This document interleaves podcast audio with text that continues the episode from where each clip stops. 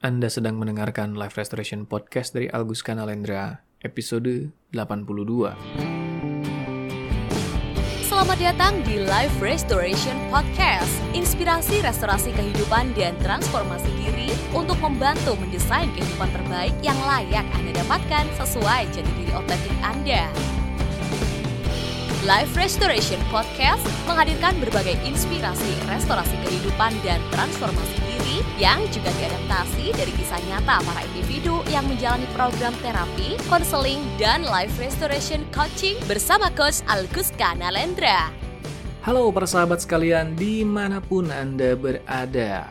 Kembali bersama saya, Algus Kanalendra, seperti biasa di Live Restoration Podcast episode 82 kali ini.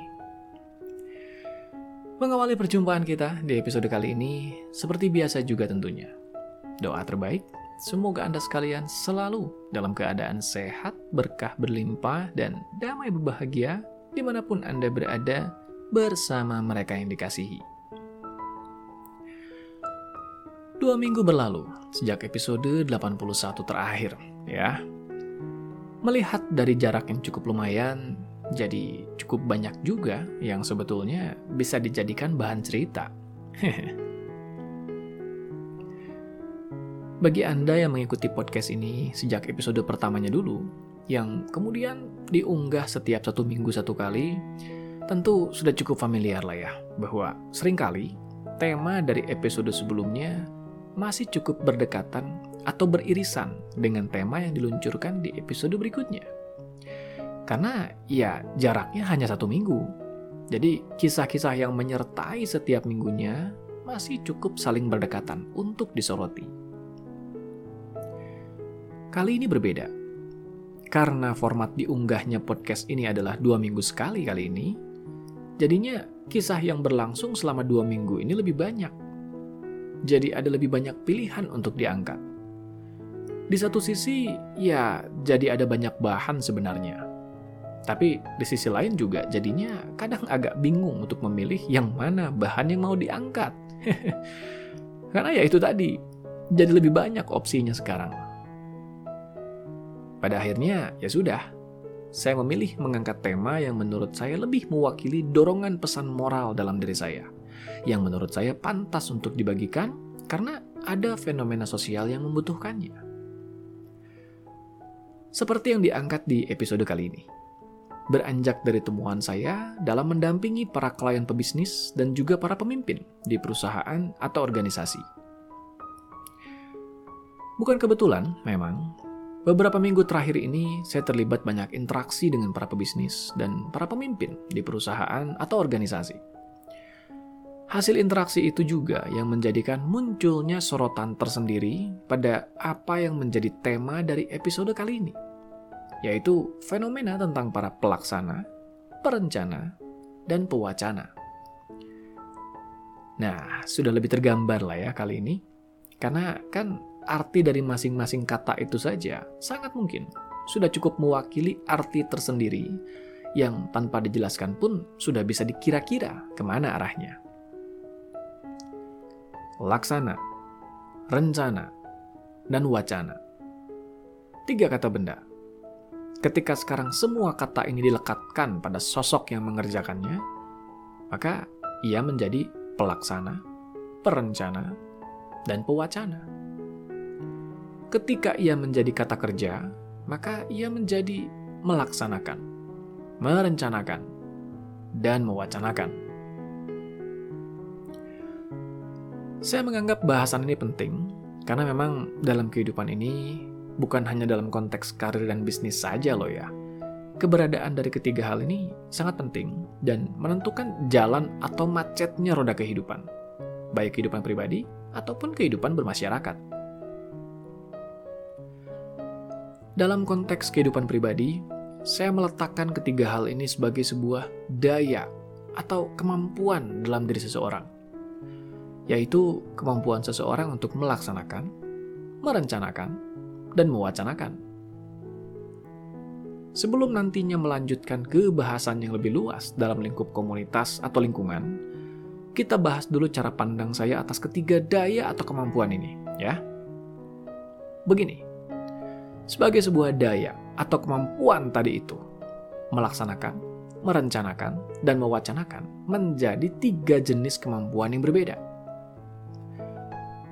Dalam cara pandang saya, sekali lagi ini cara pandang saya loh ya, saya mempersepsikan ketiga kemampuan itu sebagai sebuah urutan dan bahkan siklus. Kita mulai dari kemampuan mewacanakan dulu. Saya memandang kemampuan mewacanakan ini sebagai sebuah kemampuan untuk menyoroti atau memunculkan ide. Dari yang semula tidak ada, sekarang menjadi ada. Dari yang semula fana, sekarang menjadi wacana. Mulai ada bentuknya, mulai ada wujudnya, mulai ada bahannya. Nah, kemampuan ini sering kali kita lihat dalam diri orang-orang dalam bentuk kemampuan berpikir kreatif atau kemampuan memunculkan ide yang semula tidak ada, tidak terpikir, sekarang menjadi ada, menjadi terpikir, menjadi sebuah wacana. Karena adanya kemampuan ini, yaitu kemampuan mewacanakan. Tapi kalau hanya sekedar jadi wacana bagaimana? Ya tidak jadi apa-apa. Namanya juga wacana. Ya hanya berakhir sebagai bahasan. Maka itulah ada orang-orang yang kelihatannya banyak ide. Kalau membicarakan sesuatu itu bisa bermunculan banyak ide darinya. Banyak pemikiran, banyak konsep. Seringkali juga hal itu terdengar brilian. Tapi ya tidak jadi apa-apa juga. Seru kalau diobrolkan, tapi tidak nampak hasil akhir nyatanya. Kenapa bisa begitu? Karena kemampuan mewacanakan ini perlu ditindaklanjuti dengan kemampuan berikutnya, yaitu kemampuan merencanakan. Kemampuan merencanakan menjadi suatu hal yang menerjemahkan kemampuan mewacanakan tadi. Apa-apa yang semula hanya menjadi sebuah ide, sekarang mulai menjadi sebuah rencana aksi ia mulai dikonsepkan lebih terperinci, menjadi sebuah aksi tindakan, menjadi sesuatu yang lebih jelas wujud pergerakannya. Ibaratnya bisnis, kalau mewacanakan itu baru sekedar memunculkan konsep tentang ide bisnis atau produk tertentu untuk dimunculkan di pasar.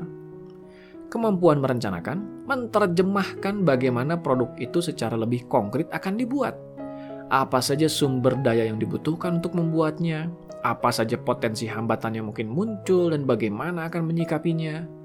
Istilahnya, kali ini sudah mulai muncul skema yang lebih menjelaskan bagaimana si wacana itu akan dijalankan. Nah, sudah pasti akan dijalankan tidak? Belum tentu juga. Maka itulah ada orang-orang yang punya banyak rencana. Ingin inilah, ingin itulah. Rencananya sih banyak, tapi tidak ada yang dijalankan ini lebih dari sekedar wacana loh, tapi sudah masuk rencana. Kalau mereka yang hanya berwacana, ketika bercerita, mereka lebih banyak menceritakan hal-hal yang bersifat potensi. Bisa begini, bisa begitu, baiknya begini, baiknya begitu. Tapi konsepnya masih cukup mentah.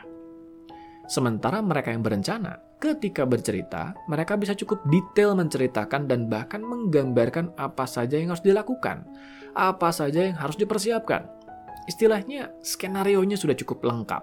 Sudah setengah matang lah. Kalau dibandingkan dengan wacana yang tadi masih cukup mentah itu. Tapi ya itu, apa-apa yang sudah digambarkan dengan mendetail itu ya tidak dilaksanakan. Hanya bagus sebagai sebuah konsep, tapi tidak ada wujud nyatanya. Karena kemampuan melaksanakan ini menjadi sebuah kemampuan tersendiri yang berbeda. Maka, yang berikutnya yaitu apa? Yes, sudah bisa ditebak. Pastinya kemampuan melaksanakan.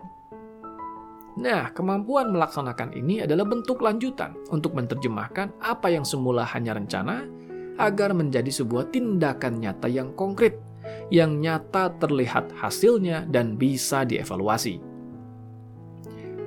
Untuk bisa melaksanakan ini, diperlukan komponen penyusunnya yang lebih mendasar, yaitu keberanian untuk memulai, keahlian untuk melaksanakan, dan kesabaran untuk menjalankan. Iya dong. Kalau tidak ada keberanian untuk memulai, bagaimana yang sudah direncanakan itu akan dijalankan? Jadi rencana saja terus jadinya kan? Tapi punya keberanian juga, kalau tidak ada keahliannya kan repot. Modal berani saja, tapi ujung-ujungnya frustrasi. Karena yang dilakukan mentok, tidak memadai, atau tidak menghasilkan standar kualitas yang seharusnya. Dan yang terakhir yaitu kesabaran untuk menjalankan. Ini juga tidak kalah pentingnya. Mau berani dan mau ahli sekalipun, kalau tidak sabar ya maka hanya tunggu waktu sebelum bosan atau bahkan menyerah di tengah jalan. Kurang gigih istilahnya. Nah, sudah terbayang sekarang? Ada yang hanya ahli dalam mewacanakan, ada yang hanya ahli dalam merencanakan, ada yang hanya ahli dalam melaksanakan. Hasil akhirnya pasti beda dalam berkehidupan. Mereka yang hanya ahli dalam berwacana, jadinya punya banyak ide, tapi ya tidak ada wujud jelasnya, seperti penghayal saja jadinya. Mereka yang hanya ahli dalam berencana, jadinya terlihat seperti konseptor. Tapi jadinya bikin gemas juga, karena jadinya banyak yang dibicarakan, tapi tidak ada yang dijalankan. Sementara, mereka yang hanya ahli dalam berlaksana juga tidak menjadi otomatis baik adanya, karena mereka hanya tahu menjalankan, hanya tahu melakukan, mengenai yang dilakukan itu baik atau tidak, memberikan hasil yang sesuai harapan atau tidak, itu lain soal. Kurang kreatif istilahnya. Hanya tahu menjalankan yang diinstruksikan. Karena kemampuan mengamati dan menemukan yang harus dibenahi adanya di kemampuan berwacana. Nah, sudah semakin jelas kenapa saya katakan ketiga hal tadi tidak ubahnya sebuah siklus? Dari wacana muncul ide atas hal yang bisa dibenahi dari rencana muncul penterjemahan atas wacana yang tadi dipikirkan. Dan dari laksana muncul wujud akhir dari perencanaan yang sudah dibuat itu. Dari yang sudah dilaksanakan itu tentu diperlukan pembenahan di sana sini nantinya. Nah itu kembali ke keahlian berwacana. Demikian seterusnya menjadi sebuah siklus. Yang mana yang paling baik? Bukan begitu. Bukan soal yang mana yang paling baik, tapi yang mana yang paling dibutuhkan sesuai peran yang kita jalankan. Ketiganya ya baik adanya. Dan memang ketiga daya itu ada dalam diri kita. Hanya saja beda proporsinya. Ini yang nanti dikatakan sebagai kelebihan dan kekurangan. Sekarang, yang penting adalah coba sadari dulu kelebihan dan kekurangan diri kita. Kita termasuk ke yang mana? Atau tepatnya, kuat dan lemah di yang mana? Apakah kita termasuk orang yang hanya kuat di mewacanakan, yang menjadikan kita orang yang banyak ide dan banyak keinginan, tapi tidak ada yang direncanakan dan dilaksanakan. Ataukah kita termasuk orang yang hanya kuat di merencanakan? Kita perlu wacana atau ide dari orang lain, bukan dari diri kita sendiri. Tapi kita bisa membuat perencanaannya dengan baik. Tapi ya lagi-lagi lemah di pelaksanaan. Ataukah kita termasuk orang yang hanya kuat di melaksanakan? Kita taunya hanya menjalankan yang diinstruksikan, kalau disuruh mengkonsepkan atau merencanakan, jadi bingung sendiri malah. Ada orang-orang tertentu yang kuat di ketiga bidang itu sekaligus. Bisa mewacanakan, bisa merencanakan, bisa melaksanakan. Kita biasanya melihat mereka sebagai orang yang padat karya. Artinya ada saja karya yang dihasilkannya, yang melambangkan kemampuan untuk melaksanakan. Karya-karya itu juga ternyata memiliki bobot kreativitas yang unik yang melambangkan kemampuan untuk mewacanakan. Di balik karya yang diluncurkan itu juga ternyata ada efisiensi yang melandasi pelaksanaannya, yang melambangkan kemampuan untuk merencanakan. Ada juga orang-orang tertentu yang hanya kuat di dua bidang saja, bisa mewacanakan dan merencanakan, tapi tidak bisa melaksanakan. Jadi kuat di ide dan rencana, tapi tidak ada yang terlaksana. Ada juga yang hanya kuat di merencanakan dan melaksanakan, tapi tidak ahli dalam mewacanakan atau berpikir kreatif. Jago dalam membuat konsep detail perencanaan dan melaksanakannya. Tapi ya muter-muter di situ saja. Tidak banyak pembenahan kreatif di dalamnya. Ada juga yang mungkin kuat dalam mewacanakan dan melaksanakan. Punya banyak ide dan memang bisa melaksanakan ide itu. Tapi dalam pelaksanaannya banyak yang berantakan, tidak efisien, boros, atau kacau di sana-sini. Jadi sih jadi, Cuma ya hasil akhirnya itu tidak sepadan dengan upaya yang dikeluarkan. Atau ada juga mereka yang seperti saya katakan tadi, hanya kuat di satu keahlian saja. Hanya bisa mewacanakan, hanya bisa merencanakan, atau hanya bisa melaksanakan. Yang terpenting adalah coba kenali diri kita. Kita kuat dalam keahlian apa saja. Apakah hanya salah satu, ataukah ada dua keahlian yang kita kuasai, atau bahkan ketiganya?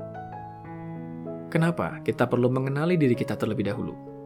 Karena hal ini akan menjadi jawaban atas kualitas hidup yang kita jalani. Kenapa ada orang yang punya banyak ide dan rencana, tapi hidupnya begitu-begitu saja? Jangan-jangan karena tidak ada ide dan rencana itu yang dilaksanakan. Kuat di wacana dan rencana, tapi lemah dalam pelaksanaan. Jadinya ya begitu. Atau kenapa ada orang yang padahal sudah bekerja keras dan bahkan tekun, tapi kualitas hidupnya masih begitu-begitu saja? Bisa jadi karena kerja kerasnya tidak efisien, tidak sesuai perkembangan zaman. Kuat dalam pelaksanaan, tapi lemah dalam mewacanakan dalam berpikir kreatif dan menyoroti yang harus dibenahi, atau lemah dalam membuat perencanaan yang bagus. Jadinya banyak yang tidak efisien. Kalau kita sudah mengenali diri, maka kita akan jadi tahu apa jenis keahlian yang harus kita tingkatkan, atau kita tutup dengan bekerja sama dengan orang lain yang punya keahlian yang bisa saling melengkapi kelebihan dan kekurangan itu. Hal ini juga berlaku dalam pekerjaan. Ketika sebuah tim tidak proporsional, maka hal itu akan nampak dalam kualitas kerjanya. Tim yang dominan diisi pewacana misalnya, maka ada banyak ide yang dikemukakan dan sering kali ide itu terdengar wah sekali. Tapi ya itu hanya wah ketika dibahas. Dalam kenyataannya tidak ada yang dilaksanakan. Tim yang dominan diisi perencana lain lagi. Bisa ada begitu banyak rencana yang dibuat. Tapi ya hanya sebatas rencana bisa ada begitu banyak meeting atau rapat untuk menghasilkan solusi, tapi lagi-lagi tidak ada wujud nyatanya. Tim yang dominan diisi pelaksana juga sama. Bisa-bisa taunya hanya kerja dan menjalankan yang harus dijalankan sesuai instruksi, tapi tidak bisa berinisiatif. Taunya ya hanya menjalankan perintah saja. Dari sisi level pekerjaan, memang ada posisi-posisi tertentu yang menitik beratkan pada keahlian tertentu. Ada level pekerjaan yang memang mengharuskan pekerjanya untuk fokus menjalankan instruksi saja. Ada juga yang mengharuskan pekerjanya untuk fokus membuat perencanaan strategis. Dan ada juga yang mengharuskan pekerjanya untuk fokus memunculkan inovasi dan ide kreatif. Yang tidak kalah pentingnya adalah coba sadari, setelah kita mengenali kelebihan dan kekurangan kita, bagaimana kelebihan dan kekurangan itu tercermin dalam tuntutan pekerjaan atau bisnis yang kita jalankan. Kalau kita lemah di keahlian tertentu, tapi ternyata keahlian itu diperlukan di pekerjaan atau bisnis yang kita jalankan, hal ini tentu akan menjadi sebuah permasalahan tersendiri. Nah, sekarang solusinya adalah apakah kita mau cari atau perkuat keahlian itu dari dalam diri kita, melatih kemampuan itu, atau mencari orang yang bisa melengkapinya. Itu adalah pilihan. Di mana pilihan itu akan harus dicocokkan dengan kompleksitas situasi yang kita alami. Kenapa saya katakan perkuat keahlian itu dari dalam? Karena saya percaya ketiga kemampuan tadi itu bisa dilatih. Memang peranan dari bakat ada, tapi tidak jadi jaminan satu-satunya. Seiring kita melatih dan membiasakan diri kita, mempelajari satu atau lebih kemampuan itu dengan cara yang tepat, maka kemampuan itu pasti akan mulai terlengkapi dalam diri kita. Yang bahaya adalah kalau kita tidak mengenali diri, tidak mengenali kelebihan dan kekurangan diri kita, lalu tanpa disadari menjalani tuntutan peran kehidupan yang padahal mensyaratkan kemampuan yang kita tidak miliki atau menjadi kekurangan kita. Lalu tanpa disadari juga terseok-seok dalam menjalankannya. Alhasil sekian lamanya hidup berjalan tidak karuan dan bahkan berantakan karenanya. Bagaimana dengan Anda? Sudah lebih mengenali diri kali ini? Sudah lebih bisa membaca apa yang menjadi kelebihan dan kekurangan Anda? Kalau Anda menyimak episode ini di YouTube channel saya, coba tuliskan kesan dan pendapat Anda di kolom komentar, ya. Kita saling berbagi kesan atas pemahaman baru yang kita dapatkan di episode ini. Sampai jumpa di episode berikutnya.